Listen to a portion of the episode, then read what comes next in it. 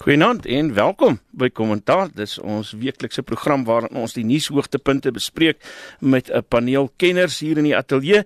En vanaand is dit ook nie anders nie. Ek het hier by my in die ateljee Andrius Cornelissen en Paulie van Wyk en op die telefoonlyn is Jan Jan Joubert. Ek gaan sommer hier by Andrius begin. Hulle kan hulle self sommer aan julle voorstel. Andrius, goeienaand. Goeienaand, Isak. Ek is uh, nuusredakteur by ENCA of ENCA as jy dit in Afrikaans wil noem.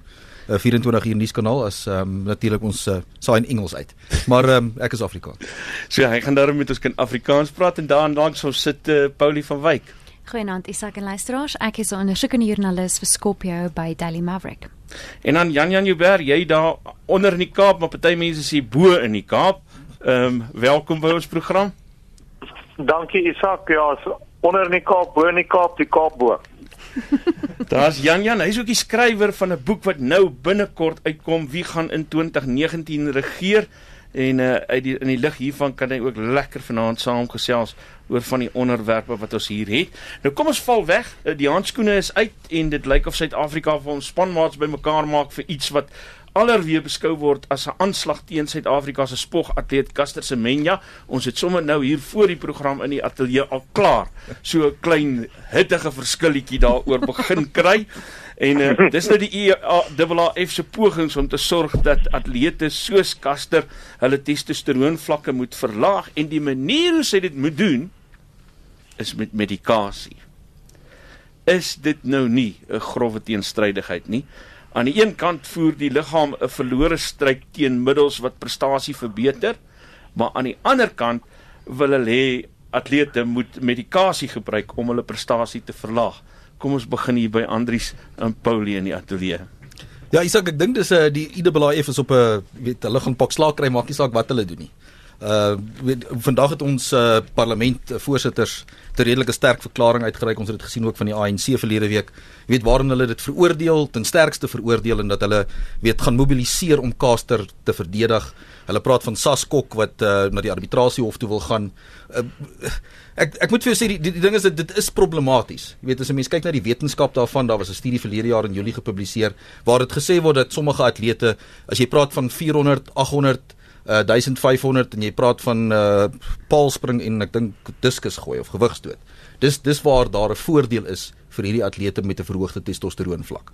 En dit moet 'n gelyke speelveld wees. Weet Sebastian Kou van die Idebal het dit duidelik gemaak, jy weet hulle moet die speelveld gelyk maak.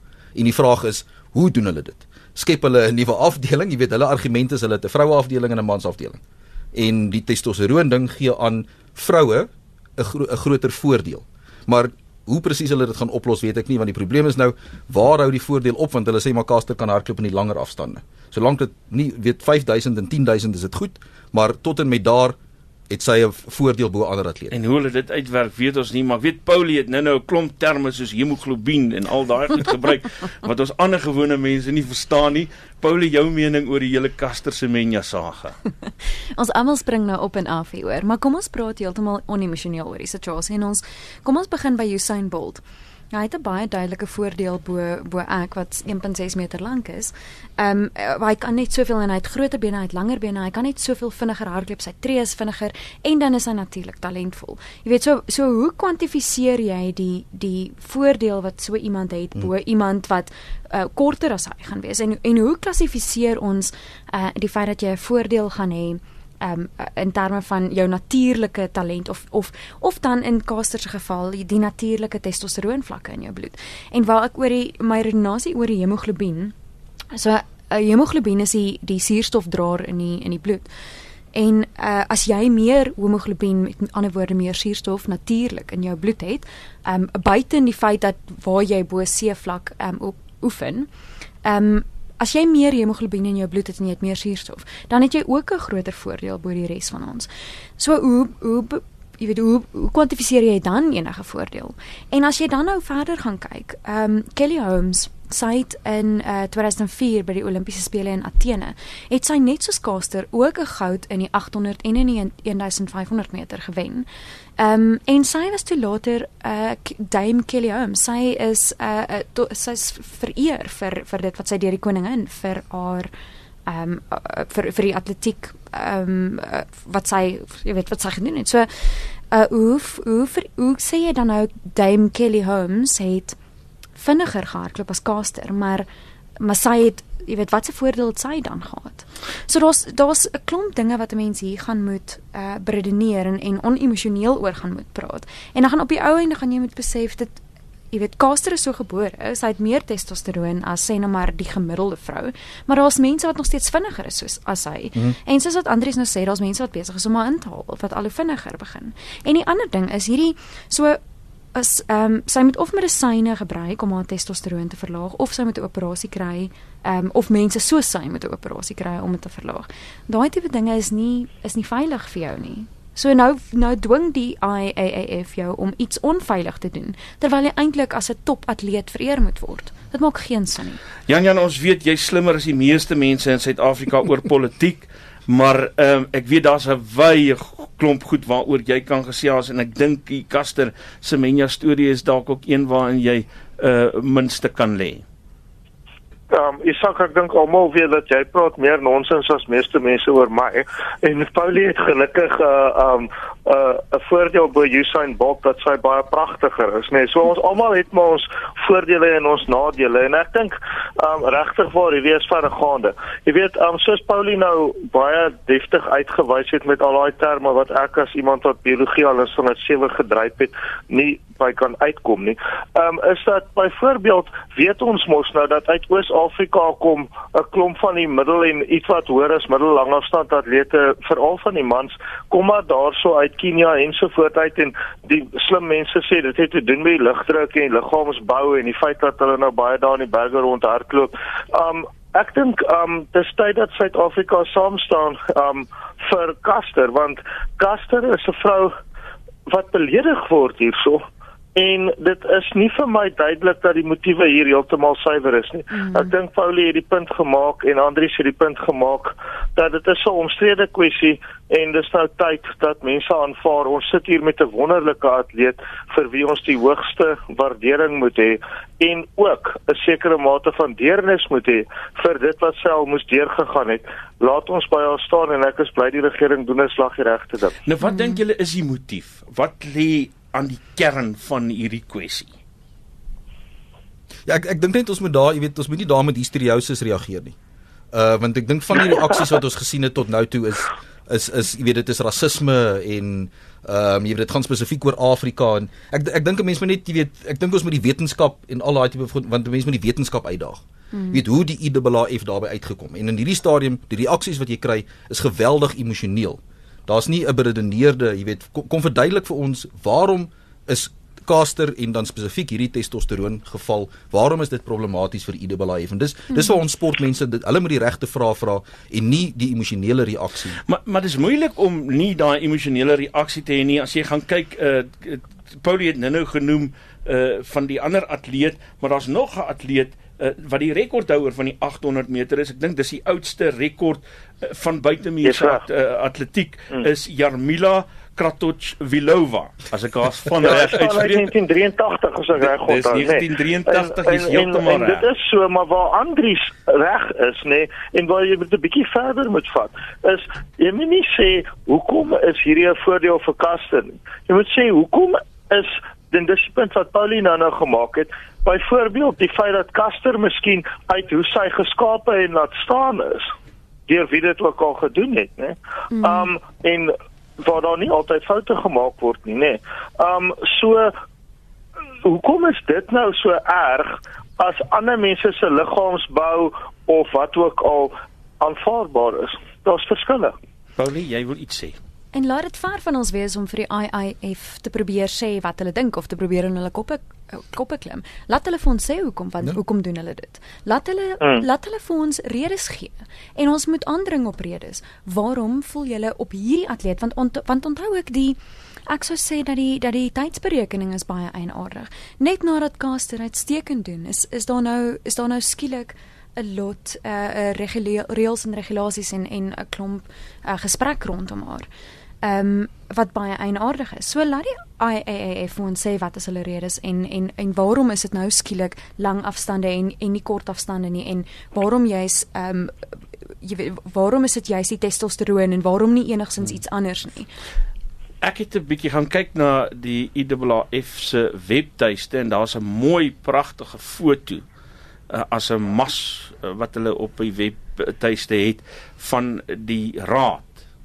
En uh, ek moet vir jou sê daar's 19 mans en 3 vroue op daai foto. Dink julle dit kan dalk deel van die probleem wees? Ek dink hulle moet vir ons sê wat se probleem. Want sê jy nou vir daai klomp mans julle is 'n julle is 'n klomp seksiste, dan gee jy hulle 'n lat om jou mee te slaan. Nee, mm. ons gaan hulle nie 'n lat gee om ons mee te slaan nie. Hulle is die die IIF is is die wat die besluit gemaak het. Hulle moet pa staan vir hulle besluit en hulle moet redes gee vir waarom ons aan hulle moet glo. Jy hoor die stem daar van Paulie van Wyk. Sy's hier saam met Andrius Cornelis in die ateljee en op die telefoonlyn is Jan Jan Joubert. Jy luister na die program Kommentaar waarin ons die week se nuushoogtepunte bespreek. Die tweede punt op my lys vanaand is uh, hoef, ons hoef nie lank daaroor te praat nie. Ons hoef nie te lank stil te staan nie, maar enige deurwinterde joernalis sal vir jou vertel as iemand vir jou 'n storie gee, moet jy dadelik vra hoekom? Hoekom gee jy die storie en hoekom vir jou? Ja. En my vraag die week is: Hoekom Christo Wiese skielik in elke koerant en op elke radiostasie en elke televisiekanaal is, is dit 'n strat Christo hierdie? Ek ek dink 'n mens moet onthou, jy weet, daar's 'n daar's 'n nalatenskap waarskynlik wat ek dink, jy weet, ek, ek dink hoe ouer 'n mens word, is jou nalatenskap vir jou al hoe belangriker. Jy weet, eh, Christo Wiese is 'n geweldige ehm um, bekende en bekroonde en gerespekteerde sakeman. En die hele Steinhoff debakel, ehm um, ek dink daar daar word nog steeds baie vrae gevra oor goeie oordeel. Ehm um, as dit kom by weet beweringe rondom Marcus Jooste. En en en ek dink dit is jy weet dis waarom ons het gesien waarskynlik dat hy eerste met die Afrikaanse koerante, ons het jy weet onderhoude gesien met verskillende Afrikaanse um, joernaliste, bekende Afrikaanse skrywers. En uh daar is sekerlik 'n uh, openbare tipe van uh betrekkinge veldtog daaraan, jy weet hy het aangekondig in 'n verklaring met sy selfoonnommer daarin uh, dat hy 'n uh, 'n reuse eis instel teen Steinhoff. 59 miljard rand. Dis nie sommer 'n klein eisie nie. En ehm um, ja, dit gaan interessant wees om te sien hoe die ding om uitspeel. Daar's ook mense wat sê dat hy uiteindelik geen been om op te staan nie. Hy het weet hy het hier ingeloop in hierdie belegging in en um, hy moet maar die pyne vat daarvan. Jan Jan, wil jy kommentaar lewer? Ja, ek dink um dit is ongetwyfeld so dat daar iemand het 'n strategiese besluit geneem. Um kyk, hierdie Steinhoff ding is eerlikwaar een van die groter gemorse wat ons in onlangse tyd gehad het finansiëel in die land. So my raai sou wees hier is Christo Wiese, um sy familie het 'n trotse geskiedenis op vele vlakke, insluitend finansiëel, vertaal uitbou van die land, werkgee werkgee vir mense ensovoort ensovoort. En in 'n stadium as so ding jou oorkom, jy moet eers gaan, jy moet gaan dink wat het gebeur en dan moet jy op 'n stadium begin praat. Maar wanneer jy sê 'n strat Christo, dan kom dit 'n bietjie naby vir my aan 'n stratkom, jy weet, soos hierdie onsin wat tans verkondig word oor sommige joernaliste waaroor Jonathan Answer vandag so 'n goeie stuk geskryf het in die Sunday Times. So wat ek sal sê is daar is 'n strategie, maar dit sien noodwendig iets onheilspellend of verkeerd nie. Ek dink 'n mens moet dink wat is my volgende stap as so iets met jou gebeur en duidelik het hy nou besluit hy wil nou sy kant van die saak stel, so seker sy goeie reg is en ek dink Andrius lees dit reg dat jy begin maar naaste aan die huis en naaste aan die huis is die Afrikaanse gemeenskap. Hy kom uit die Noordwes Kaap. Dis die mees Afrikaanse deel van die land. Ek dink daar's ook 'n ander deel Jan. So Christo was altyd baie naby aan Jooste gewees, aan Marcus Jooste. Hulle toe het saamgewerk en en Marcus was soort van 'n protege gewees vir Christo. Ehm um, en nou is daar strafklagte. Daar's nou beskuld, daar's nou wille beskuldigings teen Marcus en almal wat in die Steiner familie amper was ehm um, die direkteure is uitgejou, die die werknemers is uitgejou. Almal Steinhoff is is het amper 'n siekte geword oornag waar niemand baie aansteeklike siekte wat niemand eintlik enige iets mee te doen wil hê nie. Ek dink wat wat Christo mee besig is is dat hy hy's besig om te distansieer van hierdie. Hmm. En ehm um, en ek en ek dink eintlik as as ons kyk na die na die na die feite van die saak is die kans dat hy sy geld gaan terugkry dink ek is uitsonderlik skraal. So daar moet 'n ander rede wees waarom hy dit doen. En en daardie ander rede gaan wees in die eerste plek dat as hy 'n hofsaak aanhangig maak of as hy sekere dinge eis, dan is dan is dit in sy vermoë om binne 'n hofproses, 'n regsproses sekere inligting um, in die oop te sit, nommer 1. En in die tweede plek wys hy baie duidelik dat ek is nie in die kamp waarin jy my sit nie, ek is in 'n teenoorgestelde kamp en ek is eintlik ook ingedoen. Eintlik is ek ook 'n slagoffer, sê Christo nou. Maar is dit moontlik, vra die mense hier buite, dat iemand in Christo Wiese se posisie 'n ingedoende slagoffer kan wees? Is dit moontlik dat iemand soos Christo Wiese regtig niks geweet het tot voordat daardie raadgewers voor hom kom sit het, Jan Jan? Isak ek dink um, ons moet laat die feite vir hulle self praat. Jy weet hierdie saak gaan in die hof kom en ek dink Paulie maak daar baie belangrike punt. En dis dit Christo Wiese het natuurlik 'n baie sterk regsagtergrond self.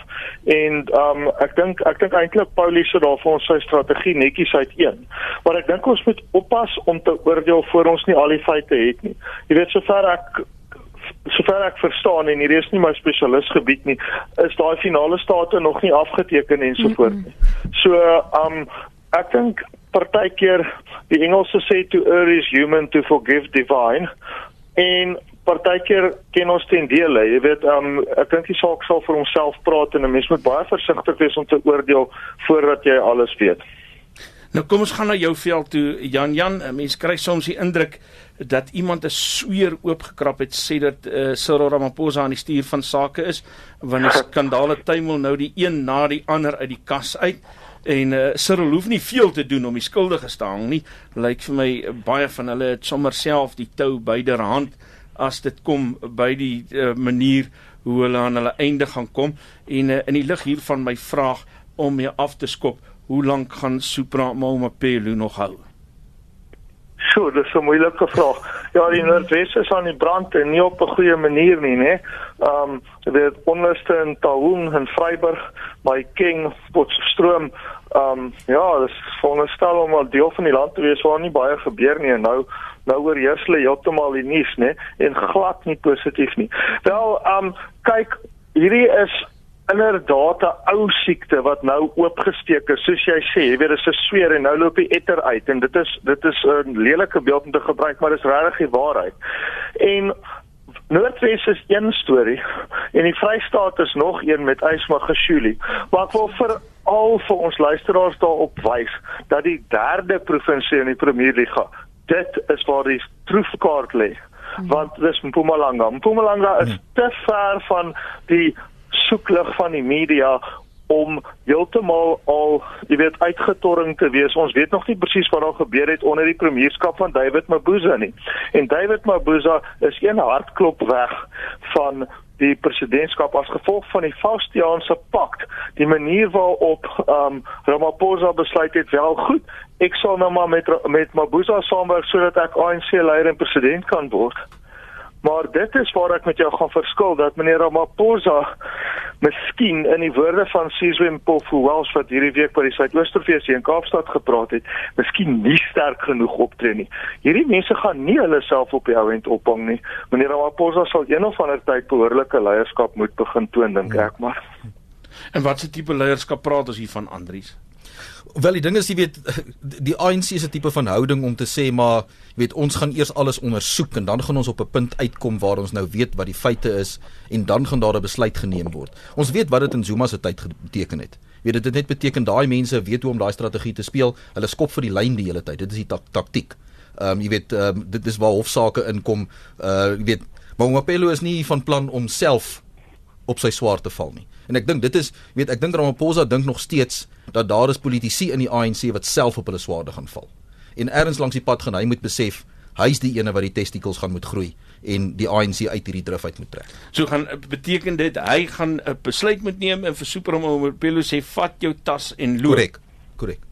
En Wel, behalwe dat hy nie kan nie, nê. Um, hmm. Dit is dieselfde probleem wat die DA het met Patricia de Lille as almal nou ophou raas en kyk na die wet.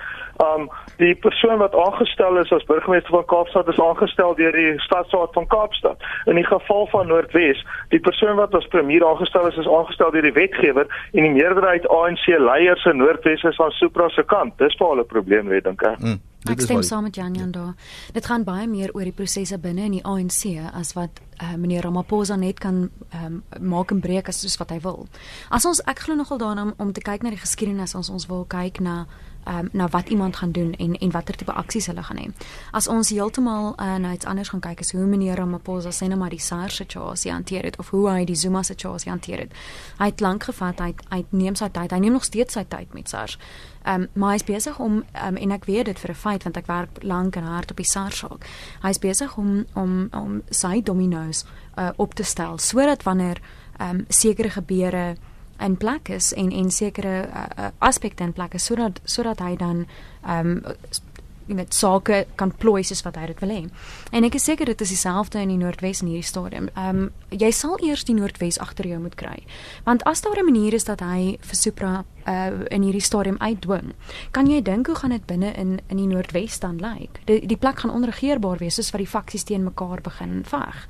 Um, ek dink meneer Ramaphosa is is baie versigtig met die Noordwes want dit is soos 'n vuurhoutjie wat jy in die hand het wat al hoe korter brand en iewers in 'n stadium gaan daai vuurhoutjie jou begin brand. Bet Dit is nie so maklik. Beteken dit dis Jason Lloyd was verlede week reg toe hy hier in kommentaar vir hom gesê het eintlik het uh, meneer Ramaphosa die regte ding gedoen in Noordwes en wat nou gebeur is die, die beste wat hy kon doen is om te sorg dat uh, die klomp hier in Noordwes onder administrasie is dat hulle nie al die besluite dadelik kan neem nie daar's ander mense wat dit gaan moet afteken. Al die tesourier tesourier het in elk geval ook die finansies oorgeneem van die Noordwes. Ehm uh, jy weet so so basies is hy 'n premier bloot 'n naam. Maar ergens langs die pad, jy weet, gaan iemand moet verantwoording doen vir wat gebeur het in die Noordwes. En daardie prosesse Ja, ek verloop heeltemal te stadig. Ja, Jan Jan Ja, ekskuus man. Um, nee, ek dink Jason was reg laas week vir die kort tot medium termyn, maar Andries is reg vir die lang termyn en ek dink dis wat Paulie ook sê.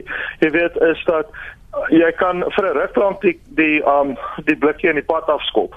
Maar op 'n stadium moet jy die blikkie optel en die vullisdrom gooi. Mm. En daai blikkie se naam is Suprama Mipelus, daai blikkie se naam is Ysmagashuli, daai blikkie se naam is Miskien David Mabuza, ons nog nie daai feite nie, maar uiteindelik gaan jy moeilike keuses moet maak Miskien nie nou nie want soos Paulie sê dit sal dit sal die plek onregeerbaar maak weens die faksiegevegte en duidelik het Supra sy provinsie nog agterop.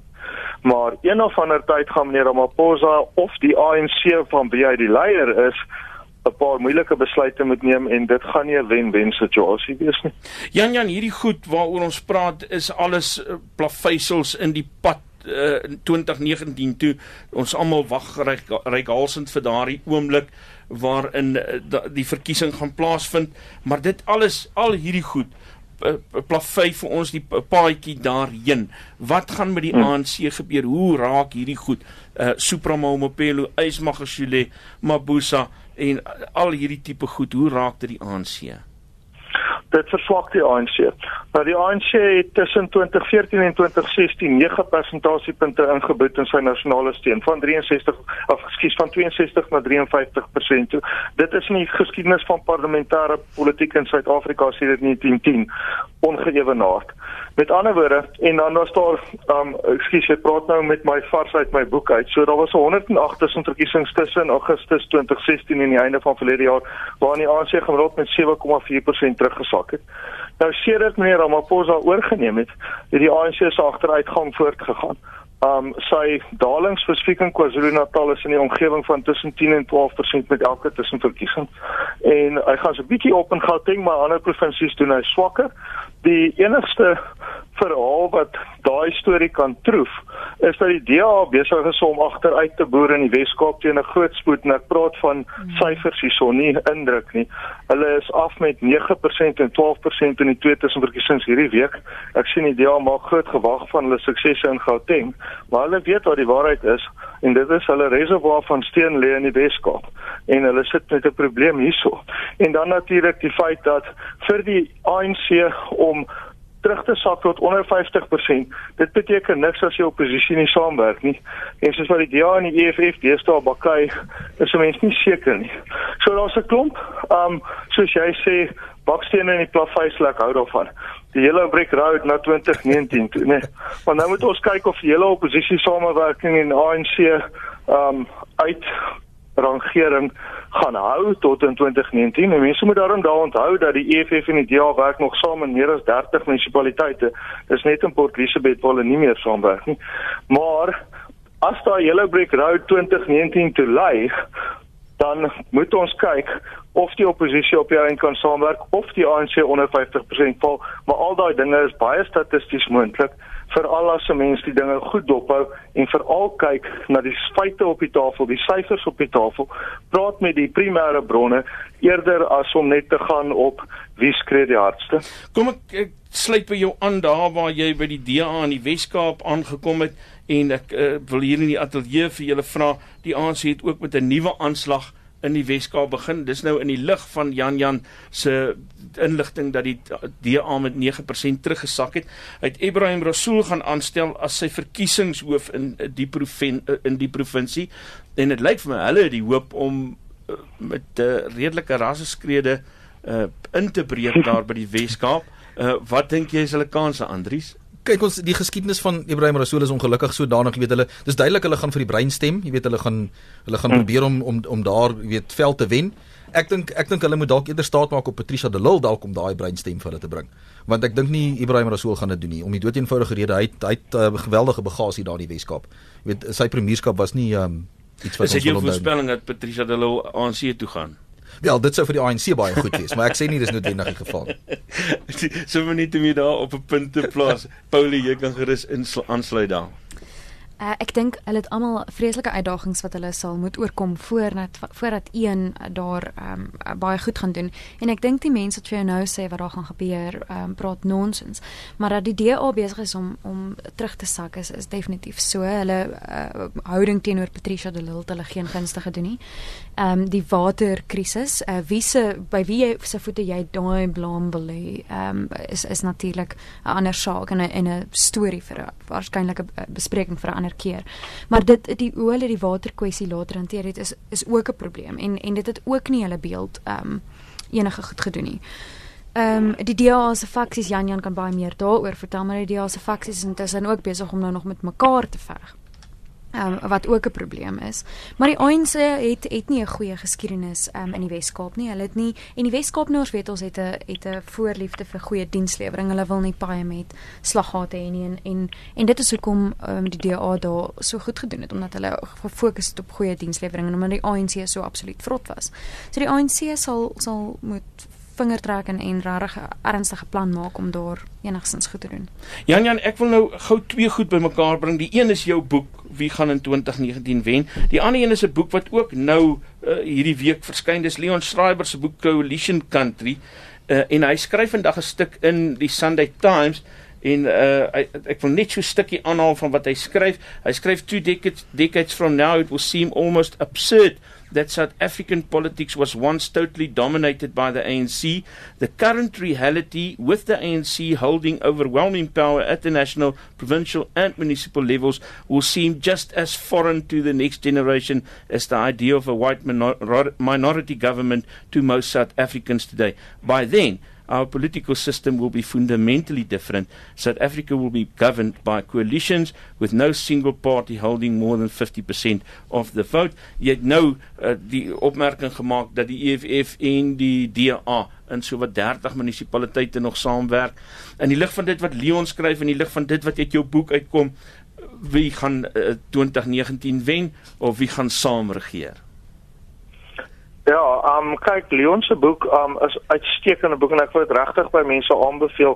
Ehm um, ek het die boek geresenseer in rapport verlede week en sy basispunt is dat die hele grondwet met die ehm um, stelsel van proporsionele verteenwoordiging is soos soos Leon in Leon se woorde is dit 'n tipe van 'n herhalende kodessa wat die mense wou skep.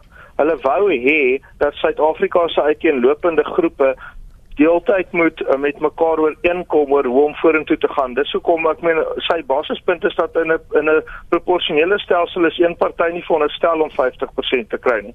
Hy wys ook uit dat van die 10 lande met die beste lewensstandaard in die wêreld word nege deur koalisies regeer. Die enigste uitsondering dink ek is Singapore.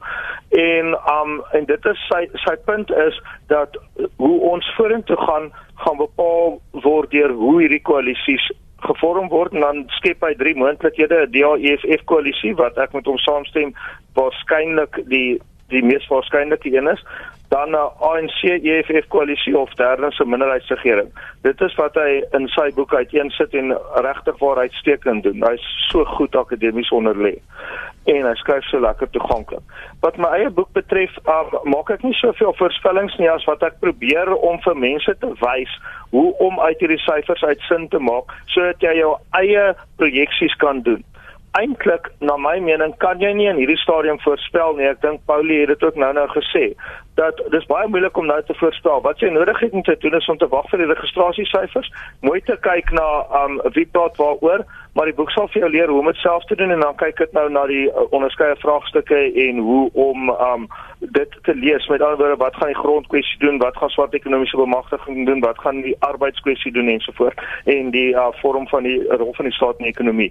So ek kan nie vir jou eerlik nou sê ek weet wie gaan in 2019 wen nie, maar as jy kyk na die syfers en dis wat Leon doen en wat ek doen op ons onderskeie maniere, sê jy dit gaan waarskynlik 'n koalisie wees en dit gaan waarskynlik of 'n oppositie koalisie wees of die ANC gaan op sy eie regeer of dit gaan 'n ANC EFF koalisie wees en hoe dit gaan uitspeel gaan afhang van hoe die politieke partye hulle kaarte speel. Hierdie is 'n tyd vir koelkoppe, versigtig en strategies dink en nie so vreeslik onder mekaar baklei as wat die DA en die EFF nou doen nie. Ek onthou ek het so jare en 'n half gelede 'n onderhoud met Jan Jan gedoen waarin hy die eerste ontleder is wat vir my gesê het, wie wat daar's 'n moontlikheid dat die ANC nie noodwendige president gaan aanstel in 2019 nie en dit was vir my so vars gedagte geweest. Dis Jan Jan Joubert wat jy nou daar gehoor het. Hy is 'n joernalis en 'n parlementêre joernalis. Hy kom uit die parlement uit en hier by my in die ateljee is Andrius Cornelissen. Hy's nuusredakteur by UNCA en Paulie van Wyk van Daily Maverick en ons gesels 'n bietjie oor die nuus hoogtepunte van die week. ek wil nog so vir 'n oomblik by die ANC bly want daar is iets interessant aan die gebeur in KwaZulu-Natal. Ehm um, en dis histories vir 'n uh, moontlike nuwe party vanuit die Zuma kamp uit en dit lyk vir my asof die geleide daaroor minstens al hoe ernstiger begin raak. Wat is julle moontlik? Wat dink julle is die moontlikhede? Ek sien Paulie skud haar kop. ja. So Jan Jan, jy moet vir ons nou sê wat dink jy hier, maar ek ek betwyfel baie sterk dat daai uh, enigstens van die grond af gaan opkom. Ehm um, as jy gaan kyk, uh een uit elke derde ANC lid, ehm um, laas wat ek gekyk het, sit in in KwaZulu-Natal. Ehm um, en so so die die stemkrag daar is geweldig. Maar die Zuma faksie ehm um, het het ernstige terugslag uh het erns was het ernstige terugslag gekry vanaf die president uit die uit die stoetkussingsgelig is. En die probleem daar is dat Zuma het 'n het 'n patronaatskap gehad waarna hy sekere mense in staat gestel het om om vir hulle self te kon sorg en vir die mense om hulle te kon sorg. En toe hy uit is en die mense kan nie meer in aanhalingstekens vir hulle self en hulle mense sorg nie, het hy baie van sy steen verloor. Mm. So so dit aan die een kant en dan aan die ander kant as dit gaan die ANC ontsettend skade maak en die ANC kan dit nie bekostig nie en ek en ek is amper doodseker dat meneer Ramaphosa gaan dit nie toelaat nie. Ehm um, baie van die ANC in in KwaZulu-Natal sal dit nie toelaat nie. En ja, ons het 'n geskiedenis van Cope en en 'n lot ander partye aggang wat afge, afgesplinter het. Ehm um, maar ek dink in die 2019 probleem is ook so naby. Hoe gaan enige nuwe party nou weet vinnig genoeg steun kry en dan nog verwag om kompeterend te wees. Ek weet ek betwyfel dit baie sterk dat dit daar ernstige ek ek weet die geluide is ernstig, maar ek dat dit daar ernstige bedoelings agter die geluide is betwyfel ek sterk. Andries? Ek ek dink daar's 'n rede waarom Zuma hom in die openbare oog hou. Jy weet hy hy hy hy lewer lesings, jy weet hy's gereeld op plekke. Ek weet hy môre of môre of Dinsdag spreek hy weer eers 'n um, 'n geleentheid toe. Jy weet so daar daar da word daar word 'n lewe gedeelte in hom ingeblaas om hom jy weet 'n tipe van 'n nie openbare oog te hou. Dis nou behalwe vir die Lobola onderhandelinge wat aan die gang is oralste. Is hy jy weet hy so hy hy, hy word nog beskou as jy weet eh, die, die tipe van persoon en Bekkie het toe hy weet uit die kussings uitgelig het het hy half jy weet uit een kant gestaan. Jy het nie die hele tyd was hy nie hy was nie in die openbare oog gewees nie. Waar Zuma sy groep en hy self probeer homself nog voorstoot en ek dink daar's 'n rede daarvoor. Ek dink tog daar's daar's 'n groep wat dink dat hulle ehm um, hulle wil dit amper half as 'n afdreiging gebruik binne in die ANC. Jy weet daar's verskeie mense wat se poste in gedrang is omdat die Zuma presidentskap nie meer in plek is nie. So ek dink hulle weet is die unity ding. Jy weet so Zuma is die die ander gesig Ek wil gou voor Jan Jan iets sê. Ehm um, net dit noem dit lyk vir my as ek dit reg verstaan die ouens wat weet wat daar in KwaZulu-Natal aangaan, sê die probleem is nie so seer die ontstaan van die party nie, maar die gebrek aan kom ons sê dan nou die bestaan van die ANC in KwaZulu-Natal. Ons weet hulle kon nie eens by die nasionale verkiesingskongres uitkom nie. Hulle het verskriklike probleme daar en volgens die ouens wat dit wat ken wat, wat die situasie ken, sê hulle dis waar die moontlikheid bestaan vir so 'n nuwe party. Is dit skep die teelaarde daarvan Jan Jan jou kommentaar. Ja, kyk, um die situasie in KwaZulu-Natal vir die ANC as 'n politieke party is dieselfde as in Noordwes wat um jy sit in 'n situasie waar byvoorbeeld ek gaan net vir 'n oomblik by Noordwes stil staan om KwaZulu-Natal te illustreer. In hierdie week was daar pogings van die ANC um nasionaal om nou 'n Noordwes soort van die trein aan die gang te kry om nou van Supra ontslae te raak.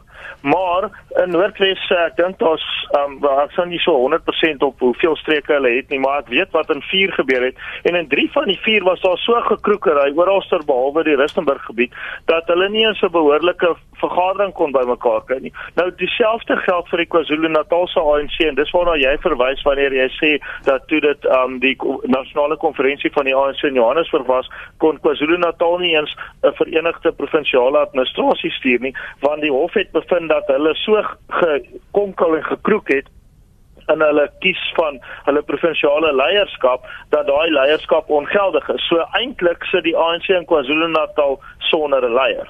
Nou dit sê vir jou en dis jou punt wat jy maak Isak dat die ANC eintlik in daai twee provinsies en waarskynlik hier by ons in die Wes-Kaap ook waar hulle ook nie regtig leierskap het nie oor dieselfde rede dat niemand kon saamstem of die mense korrek verkies is nie. Die ANC het om Paulie se mooi woord te gebruik op patronaatskap geword wat vrot geword het tot aan die stingel. Dit is ook wat die geleenthede skep vir ander partye in 2019.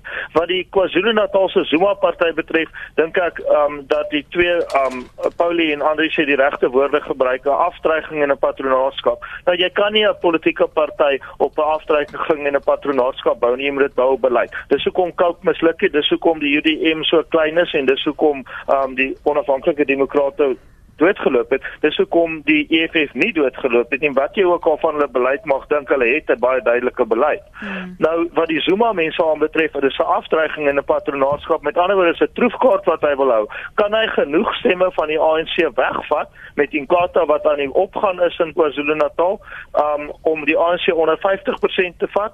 Duidelik is sy strategie dan Hulle gaan met 'n single issue ding in die in die verkiesing in, naamlik hulle is van Zuma se kant om die ANC af te dreig om te sê julle gaan nie KwaZulu-Natal regeer sonder ons nie en julle gaan nie nasionaal regeer sonder ons nie en al wat julle moet doen is om vir Zuma kwyt te skeld van vervolging of weer in te meng soos wat daar al gedoen is. Dis nie genoeg om 'n politieke party te stig nie, so ek stem saam met Paulie en Andri dat daai party dink ek is doodgebore. Ek kies dis is nie dom genoeg om daarvoor te stem dink ek. Hulle sou in elk geval ook iemand soos Nkosazana nodig gehad het um, hmm. om half stiekrag aan daan te gee. En ek dink um, die die juist die berig Jan van Jan de Lange vandag in rapport sê dat jy weet um, sy is nie ten gunste van hierdie sogenaamde wegbreek party. Um, en en natuurlik ook die interessante ding juist met die Noordwes verwysing van Jan Jan is dat sy is aan die stuur van die interministeriële komitee hmm. wat kyk na die hmm. probleme in Noordwes en aanbevelings moet doen binnekort oor hoe om dit reg te ry. nou kom ons gaan gou buiteland toe. Ons het nog so 5 minute oor. Uh, net ander dag nog het Donald Trump en Kim Jong Un van Noord-Korea uh, mekaar met hulle knoppies gedreig. Dis nou die knoppies wat hulle kernarsenale sou aktiveer. en vandag is daar vrede. Ehm um, Kim en Moon Jae-in van Suid-Korea het mekaar Vrydag ontmoet en dit lyk of Kim ingestem het om sy land se kernbedrywighede te staak. Ehm um, my paneel kan die wêreld terugsit en ontspan. Ek sien Donald Trump gaan gaan vir Kim Jong Un ook ontmoet. Ja, Daai haarstyle bymekaar gaan net verskriklik wees.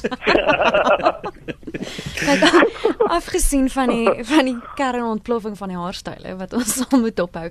Ek, ek dink ons het 'n probleem daar want want kan enigiemand vir my al sê waarom het Kim Jong Un beskiklik besluit om sy hande in die lug te hou? Hmm. Daai rede is is iets wat my vreeslik nuuskierig maak want dit is 'n man. Kom ons gaan weer terug en kom ons kyk weer na hierdie ou se geskiedenis.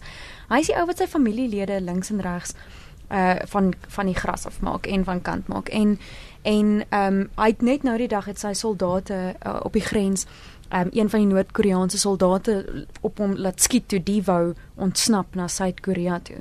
Ehm um, die mense in in Noord-Korea, daar was so 'n paar jaar terug was daar atlete wat gevlug het nadat hulle by 'n groot internasionale uh, kompetisie deelgeneem het en wat heeltemal gedefek het na 'n ander land toe. Ehm um, omdat hulle nie meer die die die situasie in hulle eie land in Noord-Korea kon hanteer nie. Nou dit is nie die ou uh wat vir Donald Trump dreig en sê ek uh ek, ek sal jou wat die wêreld moontlik is, ek sal uh jou met die grond gelyk maak met ons kernkragwapens en ons is um kompeterend in in daai opsig nie. Dis nie die ou wat vir Moon Jae-in permanent sê um jy het moeilikheid, ek gaan ek gaan ek is besig om jou af te dreig nie. Daai tipe mens is nie die ou wat skielik hande in die lug gooi nie.